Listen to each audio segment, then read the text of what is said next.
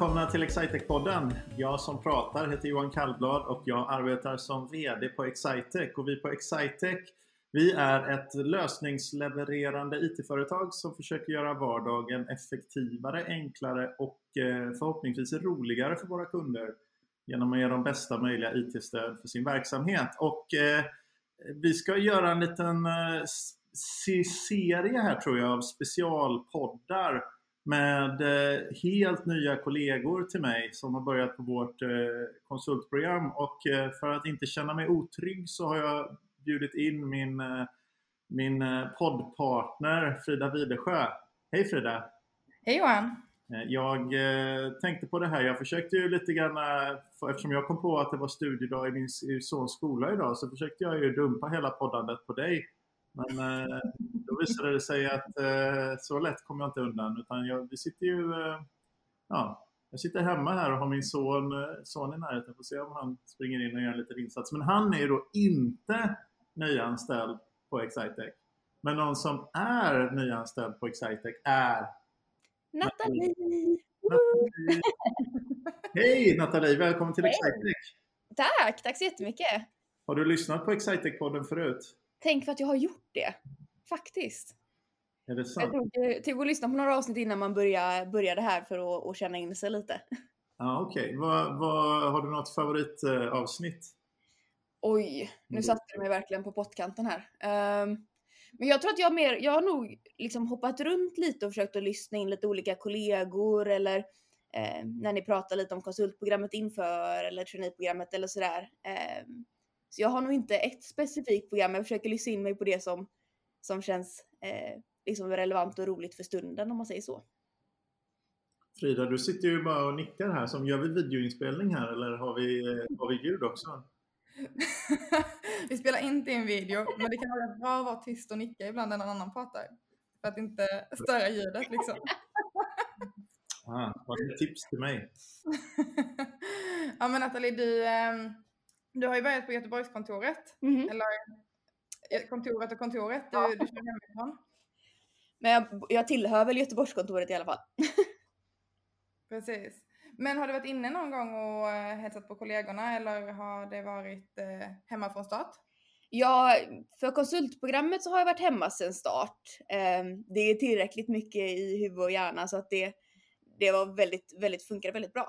Eh, men jag har ju varit inne på kontoret ganska många gånger tidigare eh, och har ju varit involverad eh, med Excitec på olika sätt redan innan jag började jobba på företaget.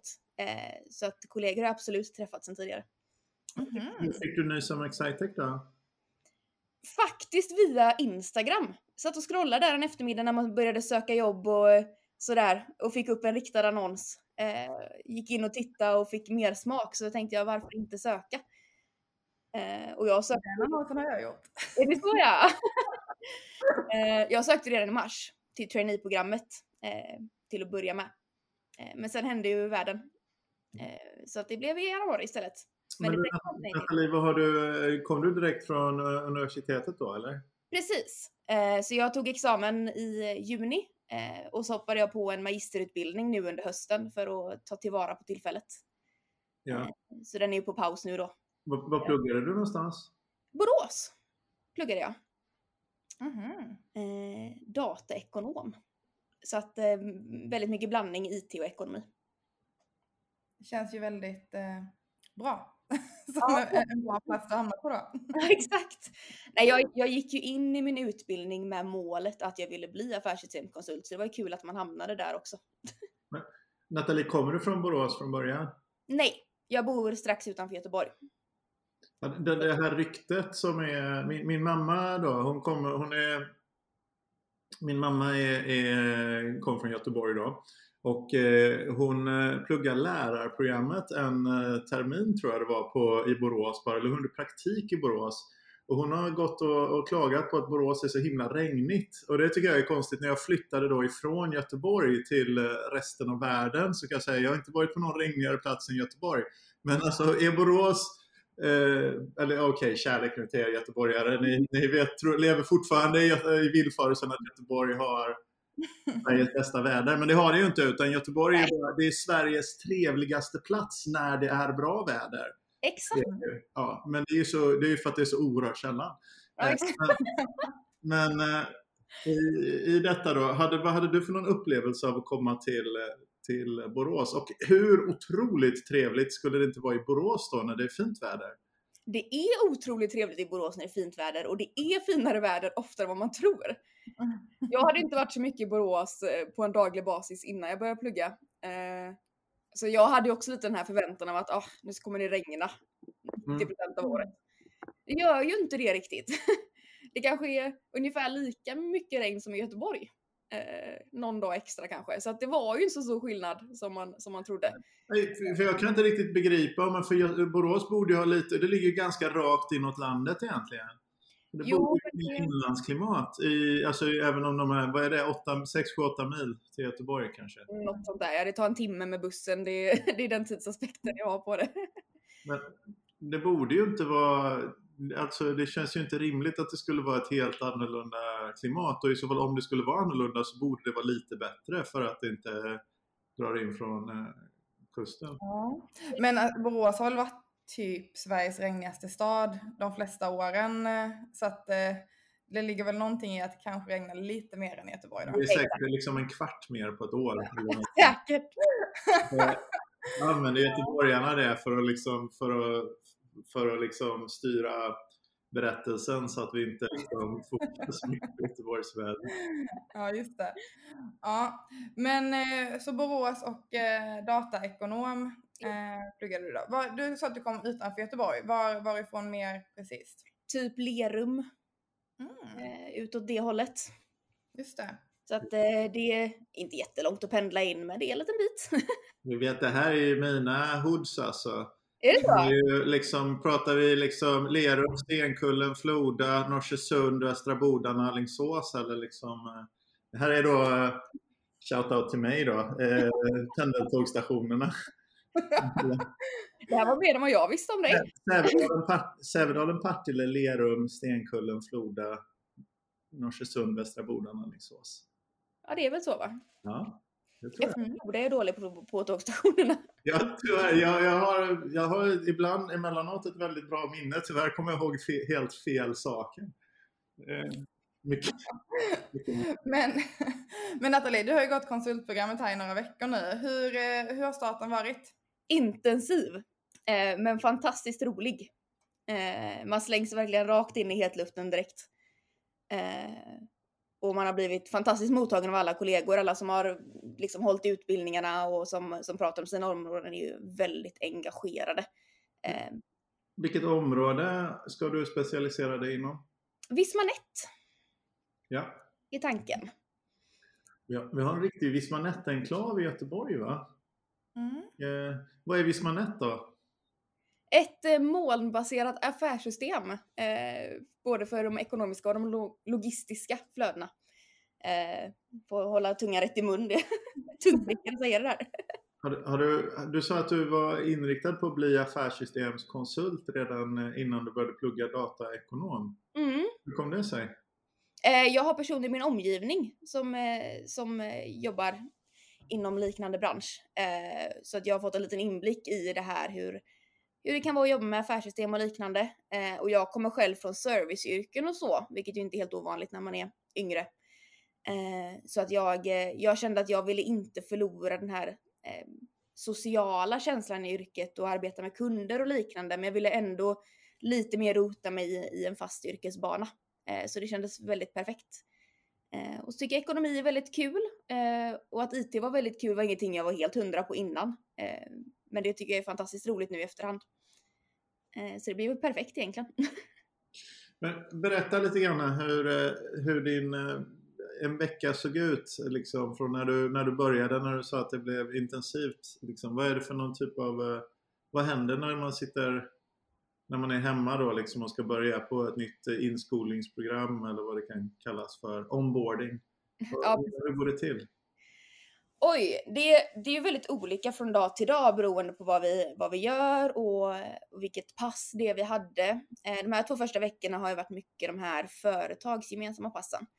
Eh, så det har varit väldigt mycket information om företaget, pitchar om de olika områdena så att ofta blir det att man, man börjar vid åtta åtta sätter sig kanske och kollar mejlen, tar upp lite frågor med sin mentor som har dykt upp under veckan eller föregående dag. Eh, och så börjar ofta första morgonpasset någon gång mellan 8.30 och 9 fram till lunch. Eh, som behandlar olika områden. Eh, det kan vara verkligen vad som helst som berör företaget. Det kan vara allt från kultur och värdegrund till hur ekonomi funkar för att man ska ha en grundförståelse för det.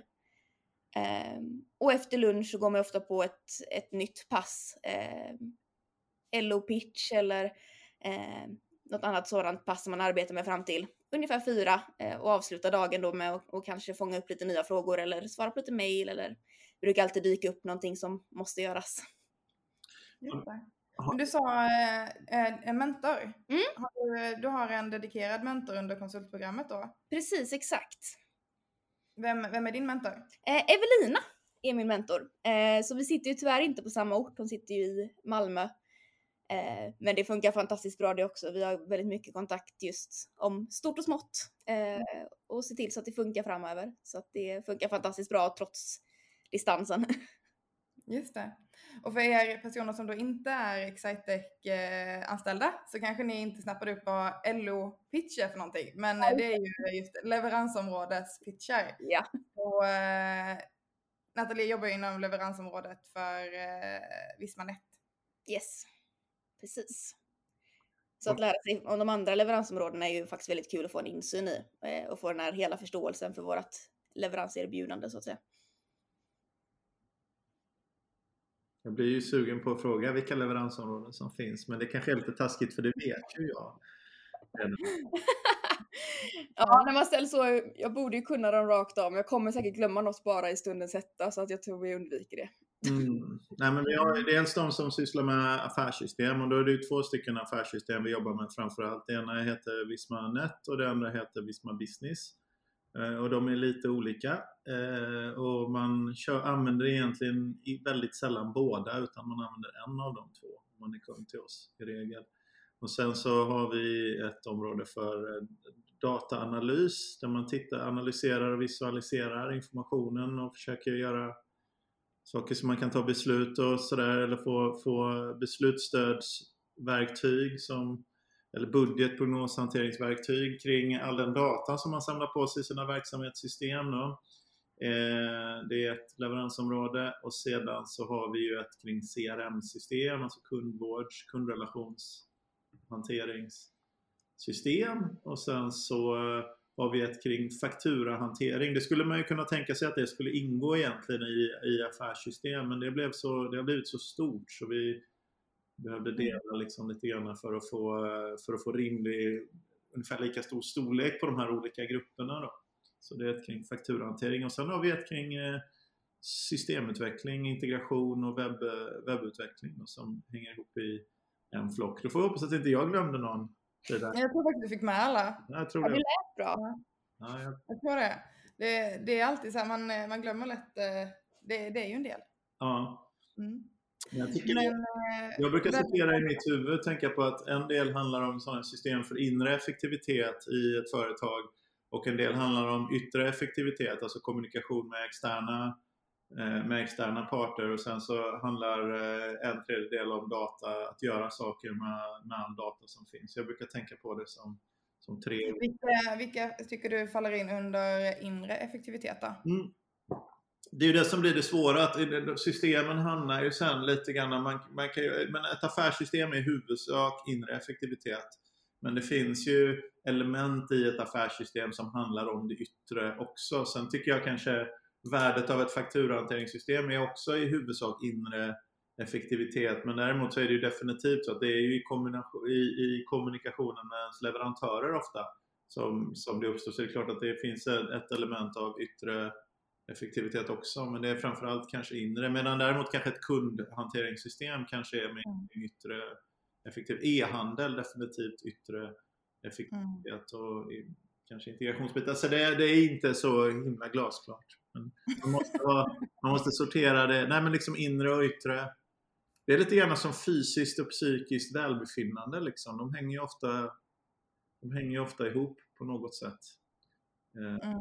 Inre och yttre. Ja, verkligen. Ja, nej men eh, så är det ju. Det är ju ehm, eh, både ERP, EFH och eh, beslutsstödsdelarna eh, effektiviserar ju väldigt mycket för avdelningarna som använder det internt. Ehm, och det sprider väl av sig mot den yttre effektiviteten också. Hör, hörde du att hon sa EFH, hon är den här som försöker få oss att inte använda förkortningar? ja, ja. Elektronisk fakturahantering då. Snyggt. Det är också en sån här tungvrickare. Ja. Ja, men eh, Nathalie, så du, du har eh, snurrat in dig på Vismanet då. Mm.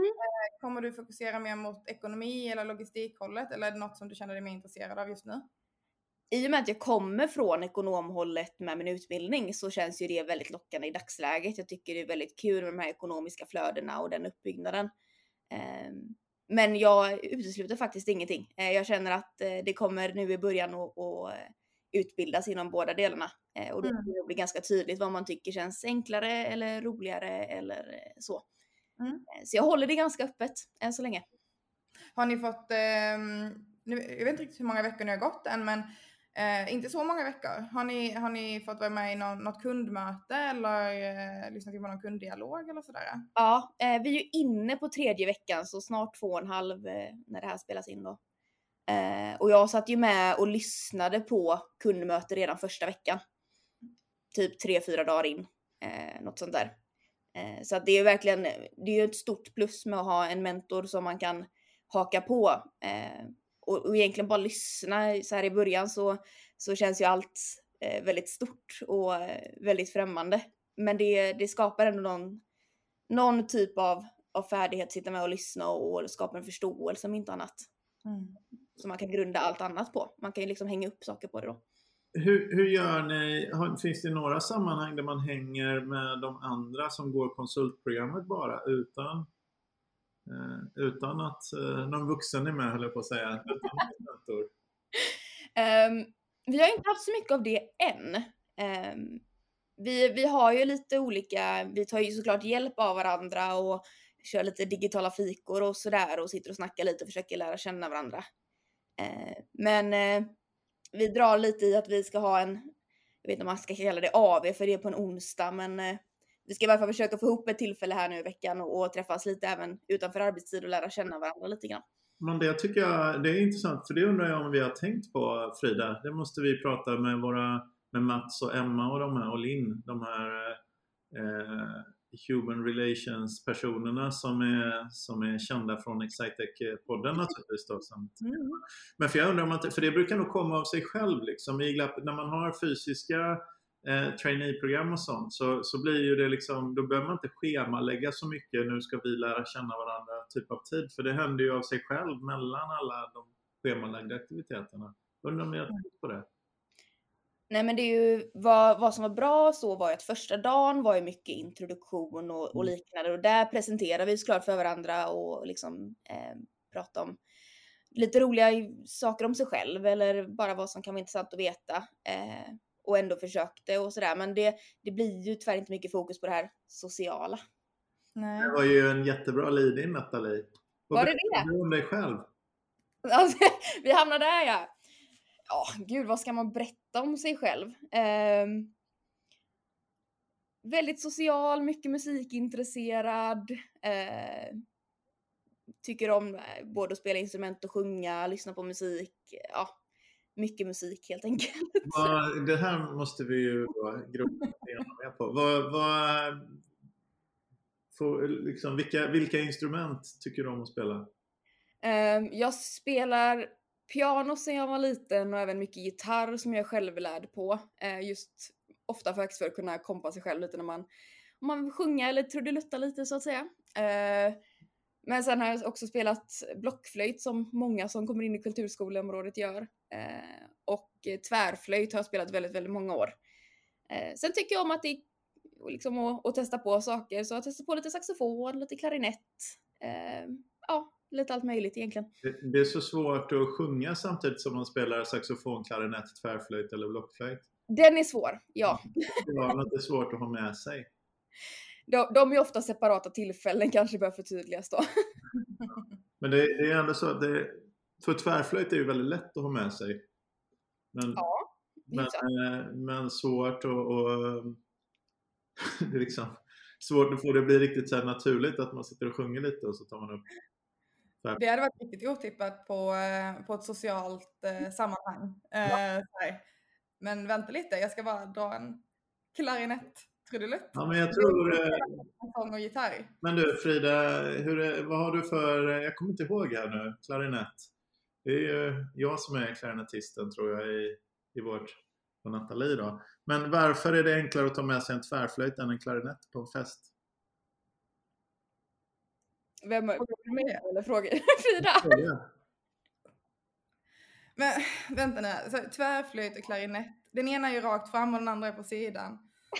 Eh, den, eh, den ena kanske är i flera delar. Är den eh, som är rakt fram i många delar? Det är för att eh, klarinett är ju, är ju träblås va? så du har ju en liten, ett litet rör. De är väldigt ömtåliga. Det är ju samma, det har man ju på saxofon också egentligen. Saxofon är ju bra att ta med på fest eftersom det är lite coolare.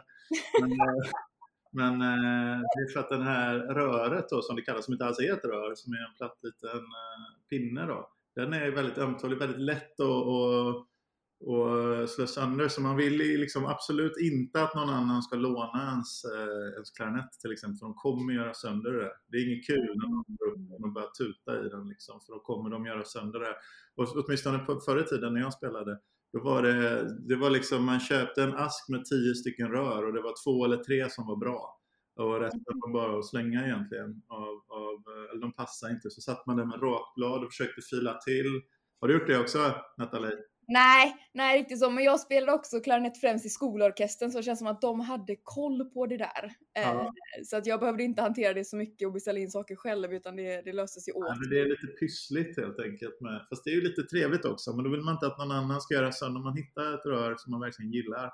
Eller som, så var det för mig i alla fall. Det kanske inte var så för andra. Jag är, eh, det finns ju väldigt många med väldigt mycket mer. Eller inte väldigt många ska jag inte säga. Men det finns en hel del med mycket mer kompetens om klarinetter än vad, Så de allra flesta har ju ingen kompetens alls. Eh, just det, och den kategorin kan vi väl då säga att jag tillhör. Eh. Om jag representerar den delen av befolkningen i det Ja, här det är det. sammanhanget. ja, just det. Ja, nej men eh, som musik, när du... Eh, vad, vad är det, någon, någon speciell musikstil sådär som ligger dig varmast om? Nej, jag är, jag är ganska eh, öppen för det mesta. Eh, sen, sen har jag ett litet extra hjärta för Melodifestivalen och tycker att hela den cirkusen är väldigt, väldigt rolig. Mm. Eh, så att slager slår ju aldrig fel. Det kanske är en opopulär åsikt, jag vet inte. Men eh, Det är Man väl Sveriges populäraste eh, tv-program va? Det kan ju inte så Ja, det kan det inte vara. nej, jag känner att man, man, blir alltid, man blir alltid glad. Speciellt klassisk slager, det är, det är fantastiskt när man behöver en liten pick-me-up ungefär. Mm. Mm. Nej, men eh, jag håller med. Klassisk slager, det är, det är en eh, mood booster om man säger så. Verkligen. Ja, här, eh, här har ni ju inte mig då riktigt. Vad, vad skulle du säga är en eh, klassisk mood booster? Nej, men det, är- jo, men det är helt... Ja, men jag vet, vet du vad? Jag har ju sånt som mina... Eftersom jag är så fruktansvärt gammal så eh, däremot så har jag alldeles precis nyligen så har jag faktiskt lyssnat en, eh, en del på Lizzo tyckte jag var rätt så bra. Så min dotter, min 18-åriga dotter tyckte att vi skulle lyssna på mer, mer hemma. Men jag skulle i och för sig, nej men schlager är säkert bra. Vi kan, eh, vi har lyssnat mycket på musikaler hemma också nyligen. Eller typ liksom Hamilton och, och Book of Mormon och de här eh, så, så det är väl också för gott humör. För jag lyssnar ju annars så lyssnar jag gärna på sådana där självmordsbenägna singer-songwriters som gärna redan har dött av alkoholförgiftning. Liksom, typ Towns Van Sant och sådana här eh, liksom smalt musikermusik. Warren Zevon. Eh, det. Och de, det känns inte som att de faller i kategorin mood booster. det gör inte det. det är om man är för glad. och, och, och. Take me downer. Nej, jag vet det där är inte min... eh, eh, det är inte, min styrka är inte att välja partymusik. Det låter inte som det, är, så är jag helt ärlig. Jag har några så här fall, fallbacks faktiskt. Jag fick, eh, jag fick välja faktiskt på, på en, en middag alldeles nyligen så fick jag välja musik och då, då började jag ju då som vanligt med att sätta på något sånt där. Sen kom jag på mig själv och sa nej men det här ska jag inte, det ska jag inte göra utan um, Eh, då satt jag, men då satte jag på The Weeknd och, det, och, anledningen till att jag kunde det var bara för att han ska ju då eh, spela i Super Bowl eh, i, som halvtidsshow eh, i Super Bowl då. Så det var inte för att jag var with it och hade, och hade koll. Utan eh, jag tog det, tog det där. ja, just det. Men hörni, är det, är det dags att glida in på eh, segmentet eh, Någon berättar om något? Om det inte är så att någon redan har berättat eh, något. Någon berättar något ska ju kanske vara lite av ett tips. Nathalie, är det något du vill eh, tipsa om om du får berätta om något? Ja, men jag fick ju den här frågan eh, inför och gick och fundera och fundera på vad kan jag ta upp? Vad är intressant och vad är roligt? Men så satt jag här och eh, efter jobbet en dag och inser att jag har ju faktiskt snörat in mig på ett helt nytt. Jag vet inte om man ska kalla det intresse. Eh, men någonting man, man blir lite, det är lite beroendeframkallande. Eh, och jag vet inte om ni har hört talas om det, men det finns ett eh, spel eller en hemsida som heter GeoGuessr. Eh, det handlar helt enkelt om att man, eh, beroende på vilken karta man spelar, eh, blir släppt någonstans. Det kan vara, säg, ta Sverige som exempel. Jag kan bli släppt någonstans på E4 till exempel. I, i, i, i eh, någon form av eh, app eller dator, inte i verkligheten? Nej, nej, nej, de släpper mig inte på E4 i verkligheten en torsdag. Nej, jag tänkte det. det är en webb webbläsaren då, eh, kan vi förtydliga. Och då är den baserad på Google Maps. Så då släpps man på en plats eh, och sen ska man helt enkelt klura ut vart tusan är jag? Genom att flytta sig och ta fram och tillbaka och försöka att placera sig själv på kartan så nära ursprungsstället som möjligt. Men berätta lite mer. Det här lät ju superintressant. Eh, så det är alltså en app i, i telefonen så hamnar man... Men, men vad... Liksom kan man gå... Alltså är det så här Street View typ då eller? Precis, så att det är en hemsida är det egentligen. Det kanske finns en app också men det, så långt har inte jag kommit. Um, och just som säger att det är Google Street View så du släpps på en väg och sen kan du liksom förflytta dig och gå fram och tillbaka. Och ser du sen, har du Google Maps vid sidan om så att du går förbi en skylt och så står det i Kimstad liksom och så tänker du det ligger utanför Norrköping eller något sånt? Ja, det hade jag nog inte haft koll på men absolut. Ja, men... det eh, om det finns någon typ av topplista så känns det som att du hade kunnat ta dig rätt högt upp på den eh, Johan. Det här, är min, det, här är min, eh, det här är min gren känner jag. Ja, det, det, är alltid så här, det bara, ah, var ligger det någonstans? Uh, och så säger jag någonting och det bara, ah, fast det var ju fel på en kvart. Så. Men då, ju närmare man är ju högre poäng, så man kan vara ganska långt bort och fortfarande få poäng. Det är fördelen med det här. Men, men så vad hände sen då? Så det, det hette, vad hette det du sa? Det? Geo... GeoGuessr heter det. GeoGuessr, det ska jag skriva upp här. Vi kommer inte se Johan nu på de närmsta dagarna. jag kände det var ett bra tips. men sitter du, hur liksom, du bara får gå och använda dina egna intryck. Det är ingen så här, du kan inte ställa frågor eller inte göra någonting eller få några andra ledtrådar. Nej.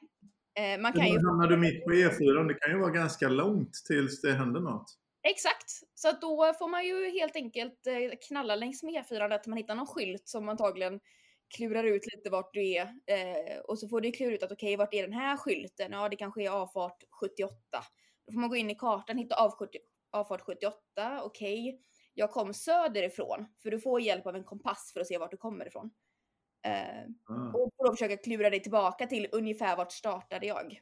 Men det, det känns ju roligare om man hamnar typ i Vänersborg eller något sånt där. Ja, det, man kan också hamna mitt i stadskärnan där. Igår kväll så hamnade jag mitt i Umeå och det var lite enklare att klura ut yeah. vart, vart man var. Men go sitter du och googlar då under tiden för att förstå? Absolut inte. Det tar bort det roliga helt. Nej, jag menar det. Det är, hmm. det är ju fusk. Mm. Det går ju inte. Så men det, det är ju kul. Det här, det här är liksom som eh, någon typ av hemmavariant av På spåret där man liksom... Eh... Typ så, exakt. Ja. Men är det bara i Sverige du hamnar? Eller är det... Man hamnar lite överallt och det finns eh, både att man ska vara så nära som möjligt på plats, eh, men det finns också att du blir droppad i ett land och ska klura ut vilket land du är i. Eh, så du behöver inte veta mm. exakt vart du är i landet utan eh, vilket land är du i. Och det må låta enkelt, men det är klurigare än vad man tror. Nej, det låter inte alls enkelt. Nej, nej, jag tycker inte heller det. Vi, vi spelar något så här flaggspel i jul och eh, ja, jag eh, har eh, lärt mig länder jag inte visste fanns överhuvudtaget. Ja, Så- men lite så. Eh, man, man, det känns som att man blir förvånad över sin egen kunskap, eller brist på kunskap ibland, om man säger så, när det kommer till flaggor och länder. Jag känner lite både och. Ibland blir jag fruktansvärt imponerad av mig själv när jag inser att jag, det är någonting man klurat in sig på. Och ibland så känner man att jag borde kunna det här men jag kan det Mm. inte. Mm. Ja, jag känner igen det där. Ja, men det där är ju ett eh, superkul ehm, eh, tips. Kan man tävla mot varandra? Det kan man. Man kan utmana varandra. Jag känner att där har vi ett eh, AV-tema. Alltså jag måste säga, det här låter ju eh, superfascinerande men det låter också som något som skulle kunna ut... Ja, jag, jag vet inte, jag får prova innan jag har någon åsikt om, eh, om hur det här, det här går till. Men det lät ju superspännande tycker jag. Kommer en utvärdering framöver helt enkelt. Vet du vad, en sak, jag har haft en insikt, jag kan spara det till en annan podd, Frida, men jag ska ta till Frida sånt där som är i närheten och sånt vi har pratat om. Men det här med digitala, jag tänker på det här med, med eh, nu verkar jag ju så extremt gammal igen här, men på min son då spelar ju mycket, nu är han på Pokémon Go eh, läget då, fyra år efter alla andra, men eh, han, eh, han, bara, han fyller åtta nu så det är inte så konstigt att han är att han kom med det för fyra år sedan. Men, men eh, Pokémon Go han har kört mycket Roblox och sådär innan. Eh, och då tänker jag på de här, eh, då vill de ofta liksom köpa grejer och betala pe- pengar för någonting, för någon artefakt i spelen. Och jag har varit så här, tyckt att det är ju slöseri och det är onödigt och sådär. Men sen har jag tänkt på alla de här små plastskräpgrejerna som man släpar hem från, eh, som barn vill ha. Så det är ju så väldigt mycket mer praktiskt att köpa för liksom 10 kronor eh, Pocky-pengar, vad de, jag kommer inte ihåg vad de heter ens. Men, men det är ju så, sån, eh, alltså det är ju inget, och, och, och det här med att immateriella saker och lägga, lägga pengar på det, då tänkte jag på det här med kopplingen till att det är ungefär som med kläder ibland. Alltså man kan veta att samma klädesplagg är Eh, liksom ett par byxor av ett visst märke och ett par byxor av ett annat märke. Då kan jag väl veta, är jag säker på att Levis-byxorna är bättre än Dressman-byxorna? Att de ens är annorlunda? Nej men de lägger, jag betalar nu inte Levis jättedyrt liksom, men jag betalar dubbelt så mycket för att det står Levis på dem. Eh, det är ju också ett slags, då tar jag ett fysisk, en fysisk nytta av en fysisk produkt och sen lägger jag på liksom för 600 kronor i material eh, Eh, del av, av immaterialrätt liksom ovanpå priset eller något sånt. Det är egentligen inget, vi har alltid, alltid, alltid, alltid har man köpt immateriella tillgångar eh, på något sätt. Så det är inget konstigt att, att köpa något immateriellt. i en app. Nu, var det inte, nu pratar vi inte ens om affärsmodellen kring Geo Gesser här. Men Nej, men, men eh, det, jag får två frågor. Den första frågan, eller så här, det är en avancerad tanke kring om du ska köpa pokerpengar eller inte. Men eh, ja, vi får se ifall du landar i ett beslut här. den har väldigt lite med Nathalie att göra. Kan jag. Och min andra fråga, eller det, det första var en tanke, men eh, kan man köpa saker i GeoGuessr eller är det eh, helt och hållet köpfritt? Eh, det är helt och hållet köpfritt. Det finns ju såklart lite begränsningar så att om man inte är Pro-medlem tror jag det kallas, eh, så kan man bara spela ett spel om dagen. Men det är bra för annars hade jag i alla fall fastnat där och så hade jag suttit där. Eh, så det, det får bli min begränsning. Eh, sen får man ju klura ut lite och jag har insett att de har någon ut, dagens utmaning och sådär som funkar utöver den här ett spel om dagen grejen så man kan få in två spel ändå. ja men just det. Ja men det känns som att det sätter en, eh, en eh, bra eh, segway här till, till segmentet som jag tänkte fråga dig om nu Nathalie. Ja. Hur, hur gör man om man vill komma i kontakt med Excitec om man är intresserad av till exempel konsultprogrammet? Oj, det finns jättemånga olika sätt. Jag har ju haft kontakt med er på, eller med oss får jag väl säga nu då, på väldigt många olika sätt. Eh, jag skulle främst gå in och titta på hemsidan till att börja med. Eh, där hittar vi ju både i traineeprogrammet som kommer nu i augusti eh, och säkerligen även konsultprogrammet om, vi drar igång det nästa år också då. Mm. Men sen så finns det ju många andra kanaler. Det är ju studentevent och, och annat som man kan, om man inte är helt hundra utan vill få en, en känsla för företaget så, så har man ju den vägen in också. Jag skrev ju till exempel Eh, C-uppsatsen delvis tillsammans med Excitec eh, och kom på så sätt i kontakt med kollegor och så på Göteborgskontoret. Så det finns jättemånga olika vägar eh, att ta sig in och få kontakt med oss. Mycket bra. Och eh, som du sa så är hemsidan en bra start där. Och det är ju www.excitec.se karriär. Och Johan, om man eh, av någon anledning lyssnar på det här när man är intresserad av att köpa våra tjänster, hur kommer man i kontakt med oss då? Vet du vad, det går ju alldeles utmärkt att bara gå in på www.excitec.se och titta på eh, vad vi gör där. Eh, och då är det väldigt lätt att till exempel eh, välja att prenumerera på något utskick eller kontakta oss för rätt systemstöd för er verksamhet. Det finns ett litet kontaktformulär direkt under www.excitec.se. Det ska inte vara något mm. svårt att komma i kontakt med oss. Nej, det är ju tanken. Så, men tack så jättemycket Nathalie för att eh, du var med i podden. Tack själva, det var superroligt. Tack.